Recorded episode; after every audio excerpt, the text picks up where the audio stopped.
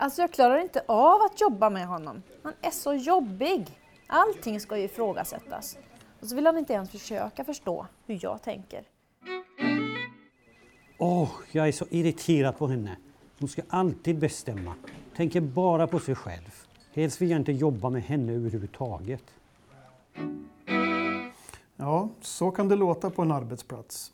Och det kan verka omöjligt att fortsätta samarbeta. Så jag undrar, vad kan man göra för att förebygga konflikter? Och hur kan man göra för att hantera dem som ändå uppkommer? Jag Tänkte prata lite med Martin om det här. Martin jobbar som HR-partner och har mycket erfarenhet av att arbeta med konflikter på arbetsplatser. Hej Martin! Varför blir det konflikter? Hej!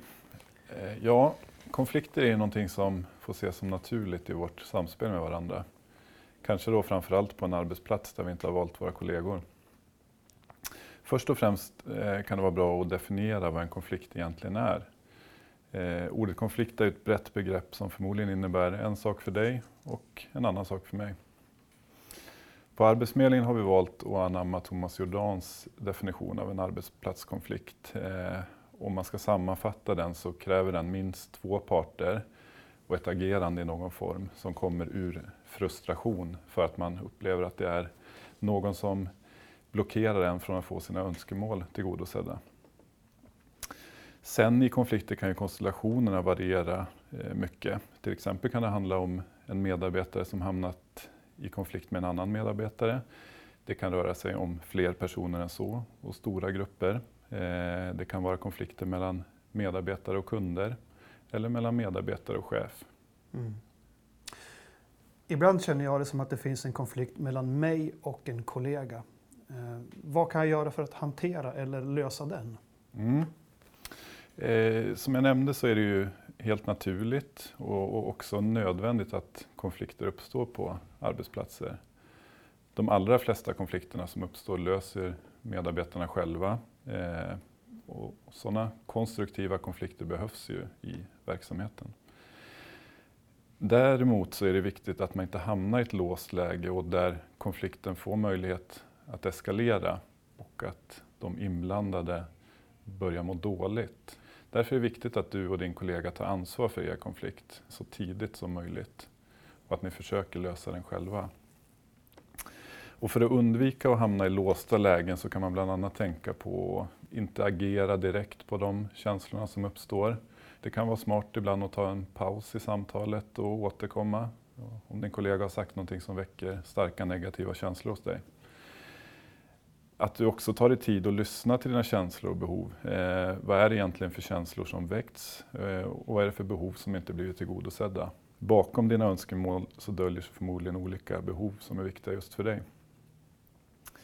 Det kan också vara bra att prata med situationen med någon som är bra på att lyssna. Eh, det kan vara en god vän eller någon annan som du har förtroende för. Sen kan man också fundera över vilka ageranden som skulle förvärra situationen och istället välja andra, mer konstruktiva alternativ. Sen också något som jag tänker på är att använda jag-budskap och att man utgår då från observationer, mm. alltså fakta.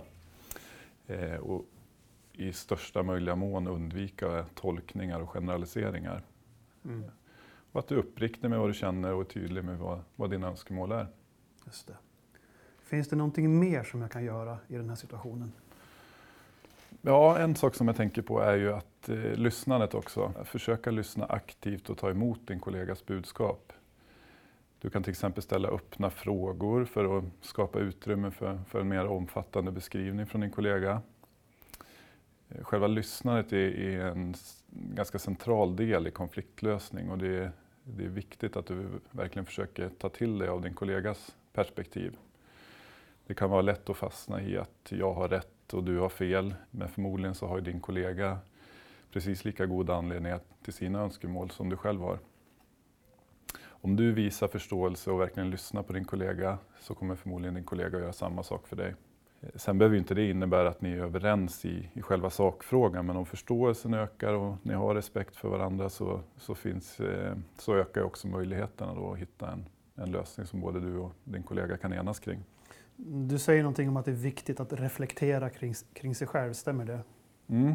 Om man ska kunna ta sig ur en konflikt på egen hand så tror jag det är viktigt med en viss grad av självinsikt eller självmedvetenhet. Som vi hörde inledningsvis i exemplet så var det en kvinna och en man som var upprörda kring varandras beteenden.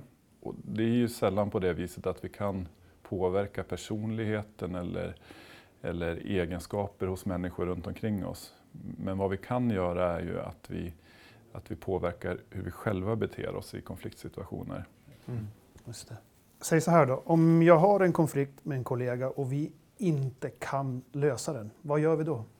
Om du har hamnat i en konflikt med en kollega och ni har försökt att lösa det eh, men inte lyckas och du upplever att konflikten blir värre, då, då, tycker jag det är viktigt att man tar hjälp. Om du själv eller människor runt omkring börjar må dåligt så är det ett tydligt tecken på att det börjar gå för långt.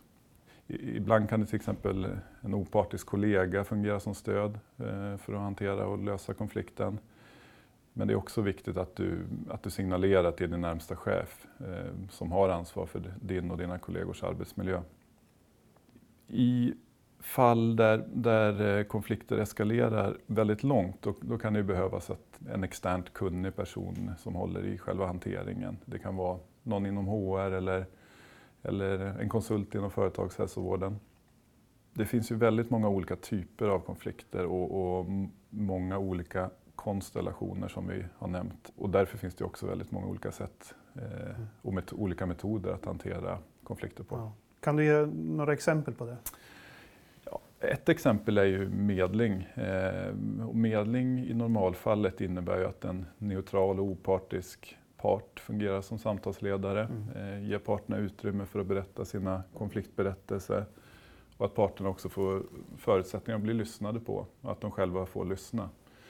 Sen finns det massor av olika medlingstekniker eh, och de lämpar sig olika bra för olika situationer. Men exempelvis så kan det handla om att medlaren stöttar i att formulera om vissa påståenden och att man sammanfattar parternas berättelser mm. och på andra olika sätt stöttar parterna så att de i, i bästa fall kan nå fram till en lösning på den konflikt som de själva äger. Mm. Men samtidigt då, det bästa är att om det, inte, det går inte så långt att överhuvudtaget blir en konflikt. Då. Hur, hur gör jag för att förebygga konflikter? Eh, ja, det finns väldigt många olika områden som man kan arbeta med för att förebygga konflikter. Thomas Jordan beskriver tre nivåer av konflikter. Eh, det är individnivån, relationsnivån och systemnivån.